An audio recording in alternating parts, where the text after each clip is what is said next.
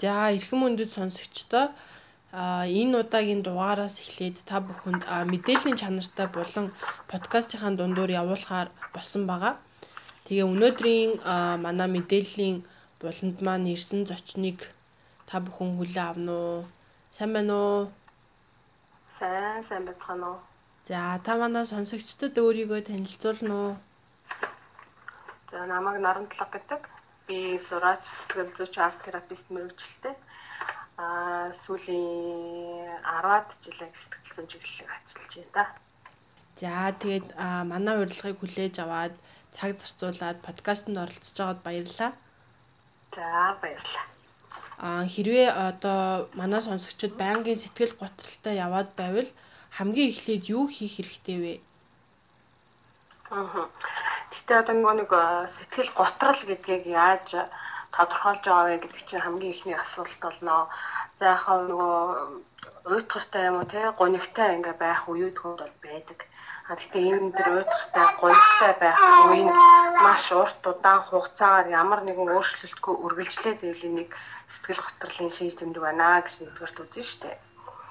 А тэгээд сэтгэл готрол гэдэг чинь өөрөө сэтгцэн өвчлөлүүд дундаасаа бас айгүй хор хөнөөлөлтэй ийм зүйл байгаа учраас энийг яг мэрэгжлийн хүмүүст хандаж арга хэмжээ авбал илүү сайн гэж зөвлөндөө. Яг зүгээр одоо хуваараа юм уу за би ингэчи эсвэл нэг юм юм хэрэгэлчи гэдэг юм уу энэ зүгээр нэг стресс шиг юм уу те зүгээр нэг ойр зураа уур бухимдал байгаа шиг энийг эмчлэх явж боломж байхгүй. Үнэхээр сэтгэл готрол муу гэсэн одоо онш гарах юм бол аа. За тэгвэл ерөнхийдөө бол сэтгэл готролд орхоос өмнө тэгвэл өөрийгөө яаж тайвшруулах хэрэгтэй вэ? Аа гэхдээ нөгөө сэтгэл готрол гэдэг зүйл маань дандаа одоо нөгөө учир шалтгааны үүднээс бий болж байгаа шүү дээ. Эсвэл бол маш хүн сэтгэл зүйн гэмтэл авах юм уу тийм эсвэл бол өөрийгөө байгаагаар нь хүлээн зөвшөөрөхгүй тэрнтэй ингээд урт удаан хугацаанд тэмцээд яваад байх юм уу? Энэ гих мэтийн нөгөө нэг асуудлуудаас олж энэ сэтгэл готрол гэдэг зүйл чинь урт удаан хугацаанд үргэлжилж иж бий болно шүү дээ. Аа тэгээд яг нөгөө ойр зурц сэтгэл чинь хямраад уйтгарлаад байх юм бол хамгийн нэгдүгürt өөртөө одоо тохирсон тийм өөрийгөө зугаацуулах гэдэг юм уу? Аргуудыг хэрэглэж сурах хэрэгтэй. Өөрөө өөрийгөө аягүй сайн одоо чагнах хэрэгтэй гэсэн үг байхгүй юу? Би хөгжим сонсохоор сайхан болж гин үү? Зураг зурхаар сайхан болж гин үү? Ном уншихаар би тайвширж гин үү? Эсвэл өөрөө өөртөө хандаа захиа ичгээр тайвширж гин үү? Гих мэтлээ маш олон аргууд байгаа. Хамгийн наазах энгийн арга гэх юм бол найзуудтайгаа ярьж болно. Хурдан хурдан алхаж болно. Хөл биеэс нөгөө хөлс ялгаруулах хэрэгтэй мэтлэнгээр ойр зөр аргууд хэрэглэж болно. Хамгийн гол нь өөрөө өөрийгөө маш сайн за би яг ямар үед тайвширж гин яавал одоо надад төвөгтэй байна ямар хүмүүсийн дунд орохоор би илүү хямраад байна ямар хүнтэй байхдаа би илүү тайван байна гэх мэтлэнгээр өөрийгөө ажиглана гэсэн үг. Аа тий хэрвээ нөгөө нэг хүрээллийн хүмүүс нь ч юм уу айгүй өөрийг нь ойлгохгүй ч юм уу тийм мэдрэмж төрөөд байвал яах ёстой бол Аа. Тэгвэл тэгэл одоо юу янда? А хүрээлэлдээ байхгүй бол гэдэгсэн тийм. За яг ингээ өөрийг нь ойлгоо өөрийг чинь хүлээн зөвшөөрөх ойлгох ингээд хүмүүс яг одоо байхгүй байна гэж бодох юм бол яг одоо энэ чинь бол зөвхөн өнөөдрийн тий ойрхон зуурт бодогдож байгаа бодол шүү дээ. Тэгээ цааш цааш та чамайг ойлгох уу олтно. А тэрнээс гадна одоо маш энгийн зүйлсээр өөрийгөө тайвшруулах хэрэгтэй. Одоо дотор бодогдоод байгаа тэр сөрөг бодол, сөрөг мэдрэмжүүдийг бид нар гаргах нь маш чухал байхгүй юу? Тийм учраас энийг хэрхэн гаргах вэ гэвэл зураг зурж болно, дуу дуулж болно, хашгирч болно, караокед ороод чангаар хашгираа дуртай дуунуудаа дуулж болно, гонигтай дуугаа дуулаад уйлж болно. Эсвэл бол захиа бичиж болно. Тэгээ өөртөө тохиолдоод байгаа болсон явдлыг маш уртаар нарийн дүрсэлж бичээд тэрийг ингээ эргэн эргэн уншиж болно гэх мэтлэн аргууд байж болно. Тэгээ хүн одоо олоод уншчих тэгээ санаа зовж бол тэрийг эргүүлээд шатаачч бас болно. Ер нь бол нөгөө энэ дотор бугшаад байгаа зүйлийг ямар нэгэн байдлаар гаргах хэрэгтэй. Ингиж нөгөө өөрийгөө сулалж яах нь эргээд нэг сэтгцэн, сэтгэл зүйн толгомцсон ямар нэгэн асуудал үүсгэс урьдчилан сэргийлдэг байхгүй юу? Сэтгэл засалж гээд байгаа хүн маань бол яг л одоо энэ бугшаад байгаа зүйлсүүдийг чинь гаргахад зөв өдөртөн чиглүүлэхэд тусалж байгаа юм мэрэгчлэн хүн шүү дээ. Үнэхээр боломжтой бол сэтгэл зүйчд хандах хэрэгтэй. Сэтгцэн эмчнэрт бас хандах хэрэгтэй.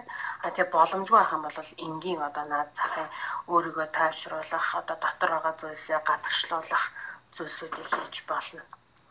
Одоо нөгөө нэг бас нэг одоо орчин үед нэг дэлгэрээд байгаа арга байх юм бол тэр юу яадаг? Хөдлөм бидний нөгөө хөдөлмөрийн хичээл гэж ярьдаг шүү дээ. Тэрэн шиг одоо юм зүйлсүүдийг хийлэгдэг. Тэрэн дээр нь жишээлх юм бол юу хийлэгдэв юм бэ гэхээр амар хатуу модон дээр одоо маш бүдүүн хадаасыг хадуулдаг юм уу. Тэр нь маш их дуу чимээ гаргадаг. Тэгээд дээр нь одоо биеэс айгүй хүч ингээ шаарддаг. Тэгээ энийг одоо ингээд хадж явах явцтай хүн өөрийнхөө дотор байгаа тэр бухшаад байгаа энэ нэрийг бөөгнөрсөн зүйлсээ гаргаж идэг юм л да. Гэх мэтэн аргууд байна. Тэгээд сая дурдсанчлан нөгөө нэг юм энгийн зүйлүүд хийж хахад хэрэг хугацааны дараа яг бас арай дээр мэдрэмж төрдөг бол шууд мэдрэгддэг болоо эсвэл за шууд бол нэг зүйлийг хийгээл нэгэн захиа бичээл эсвэл бол ганцхан удаа зураг зураал маш гоё болчихно гэж байхгүй дотор байгаа тэр асуудлуудыг бүгднгийг нь л маш их удаан урт удаан хугацаанд гаргах хэрэгтэй. За жишээлх юм бол одоо нөгөө юу гэж үүдэх штэ хамгийн хойр дотныхоо хүмүүсийг алдаад хүмүүс уу гашуунд автдаг штэ. Аа. За энэ бол бас нэгэн төрлийн одоо тэр сэтгэл зүйн өөрчлөлт дээ. Тэнгүүт энэ үед болохоор тэр тухайн өнгөрсөн хүмдэнд зориулаад ингээд захиа бичүүлдэг байхгүй айгүй их олон. А тэнгүүтээ тэр одоо тухайн хүний гинтийн явдлаар өнгөрсөн бол тэр гинт өнгөрсөн үйл явдлыг маш их олон давтуулж дүрсэлж бичүүлдэг, дүрсэлж зурулдаг байхгүй юу. Энийг яадаг вэ? Гэхээр тэр болсон явдлыг бодоход одоо ингээд маш хүчтэй сэтгэл хөдлөл мэдрээд байгаа шүү дээ тэр маш хүчтэй сэтгэл хөдлөлийг л одоо энгийн одоо бидний өдөр тутмын амьдралд тохиолддог сэтгэл хөдлөлүүд гэдэг шүү дээ хүн хөгжилтэй юм ярахаар бид нар инээдэг. Тэрэн шиг тийм энгийн болгоход одоо сэтгэл заслын чухал одоо ач холбогдол нь тэндээ байдаг баггүй юу тийм учраас одоо тийм хүндүүртэй таагүй гонигтай байгаа зүйлсүүдийг аль болохоор олон дахин давтаж хийх хэрэгтэй. А тэгтээ тэр нөгөө нэг эмчид үзүүлээ сэтгэл зүйч хандаа гэдэг нь энэ сэтгэл гутрал гэдэг зүйл үнэхээр мөн болгол энийг яг одоо бичүүлэх юм уу зурулах юм уу тэг яриулснараа бүр илүү дурддаг учраас үнэхээр одоо тэг нэг 2 сараас илүү урт хугацаагаар ямар нэгэн байдлаар өмнө нь ингээд дуртай байсан зүйлстэй дургүй болох хоолны дуршил өөрчлөгдөх нойрны одоо нойрч өөрчлөгдөх унтсан ч гэсэн амраагүй юм шиг байх тэгээд ингээд баярладаг одоо хуучны зүйлсүүдэд баярлахгүй байх гэх мэтлээ мэдрэмжүүд маш их буураад тий ер нь гүлгэр талдаа болоод тэгээ энэ нь урт удаан хугацаанд үргэлжлэх юм бол за сэтгэл гутрал байж болзошгүй юм аа гэж үзээд эхлээ ихний ээлжин сэтгэл зүйчд хандах хэрэгтэй. А тэгээ бүр нарийн эмчилгээ шаардлагатай гэж үзэх юм бол сэтгцэн эмчд үзүүлэх шаардлагатай. Тэгээ бид нар нөгөө сэтгцэн эмчд үзүүлэх сэтгэл зүйчд үзүүлэх гэх тэгэхээр энийг айгүй болохгүй бүтэхгүй хүмүүс тэнд очдөг юм шиг ингээ үздэг байхгүй юу? Энд чинь болоод шүдэр өдөртэй л ичтгэн одоо биднээс сэтгэл өвдөж байгаа шүү дээ. Тийм учраас сэтгэл зүйчд хандгаад маш их юм сандраад юм уу ичээд байх зүйл бол байхгүй. Аа. Аа. Тэгээд одоо сэтгэл зүйч ч юм уу сэтгэл засалч дээр очиод бас яг хэр удаан олон хэр их давтамжтай очих хэрэгтэй гэдэг вэ? Хүмүүс бас нэг удаа очичоод болохоор одоо нөгөө нэг хүн хүний өөрийнх нь сэтгэл зүйн болоод өөрийнх нь темпераментны онцлогоос шалтгаална. Зарим хүмүүс чинь 3 4 яваал маш гоё болоод тий явчих тохиолдол байна. Зарим нь маш удаан явна. Зарим нь зөвхөн ярилцаад одоо ингээд зүгээр айтайхан болдог бол заавалчгүй зарим нь давхар ийм уух шаардлагатай гэх мэтлэнгээс тэгэл тухайн хүнээс л шалтгаална да. Аа. За тэгвэл сэтгэл зүйчээ сонгоход бас зөвлөгөө өгч болох уу? Яг одоо хаанаас очиж бол маш чухал асуулт ахгүй юу?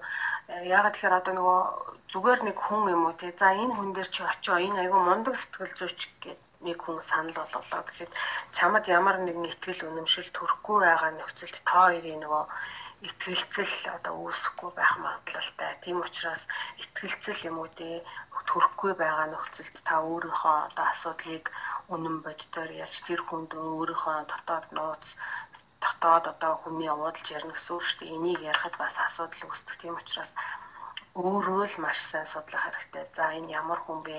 Би ямар хүн бэлээ? Би эмэгтэй хүн дээр очих уу, эрэгтэй хүн дээр очих уу, нас тогтсон хүн дээр очих уу, эсвэл залуу хүн дээр очих уу гэх мэтлэн өөрөө сонгох нь маш зүйтэй байдаг. Аа. Тэгэхээр аа шууд очиод хайж дим үү тий?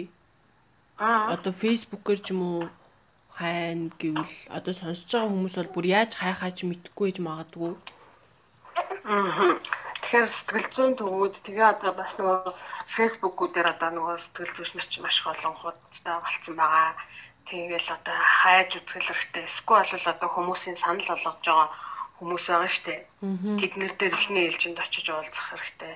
Ер нь бол сэтгэл зүйн төвүүд эмнэлгүүд дээр ирж байгаа хүмүүс бас яг тэгж явдаг штэ. Нэг удаа ирээд аа за баярлаа. Ерөнхийдөө ийм юм байд юм байна ойлголоо гэд явдаг. Тэгэнгүүтээ өөр газар очиод тэр эмчин маш сайн тогтсон тохиолдол байна. Эсвэл өөр эмнэлгээс манай дээр бас ирдэг хүмүүс байна. Тэгэхээр одоо хоёр хүний зохицлол бие биендээ ихтгэлцэл үүсгэл асуудал байгаа да. Аа манай сонсогчид бас яг уу уйтгар гуниг тохиолдоогүй байсан ч гэсэн танд өгөх зөвлөгөө байна уу яг анхан шатны маш чухал уйтгар гоник нь одоо уйтгартай гонигтай байгаа гэсэн үг тий. Тий. Одоо сүрэг мэдрэмж аваагүй байсан ч гэсэн ер нь юуг мэдчих байвал зүгээр бэ? Аа за ер нь бол хүнд бие махбодын бие махбод өвддөг гэдэгтээ ижилхэн хүний сэтгэл зүй бас өвчлөдөг байхгүй юу? Тийм учраас а таагүй тааламжгүй байвал за миний сэтгэл зүй онцгүй байгаа юм байна гэдгийг нэгдүгээр мэдэрч сурах нь маш чухал. А тэгээ өөрийгөө ер нь бол маш сайн мэдрэх хэрэгтэй. Би өнөөдөр ямар шуухан байна? Яг одоо хаана ямар мэдрэмж төрөөд байна? Юунаас болоод одоо би ингээ өнөөдөр гонигтай болчихов? Өнөөдөр нэг юм сөрөг мэдрэмжтэй байх юм бол ямар үйл явдал болсноос болоод энэ сөрөг мэдрэмж би болчихвоо гэдгийг нэгдүгээр таньж мэдэх нь маш чухал байдаг байхгүй юу? Тэгэхээр одоо юу гэдгийг дарагдаалж ахын загнууснаас ч юм уу эсвэл ихчтэйгээ муудалцснаас болоод таагүй мэдрэмж үүссэн байж болно өглөө басаад а тэгэнгүүтээ тэр нь өдөржингөө одоо нөгөө ямар нэгэн таагүй сөрөг ингийн мэдрэмж сөрөг бодлуудыг үүсгэж яваад ах магадлалтай байдаг.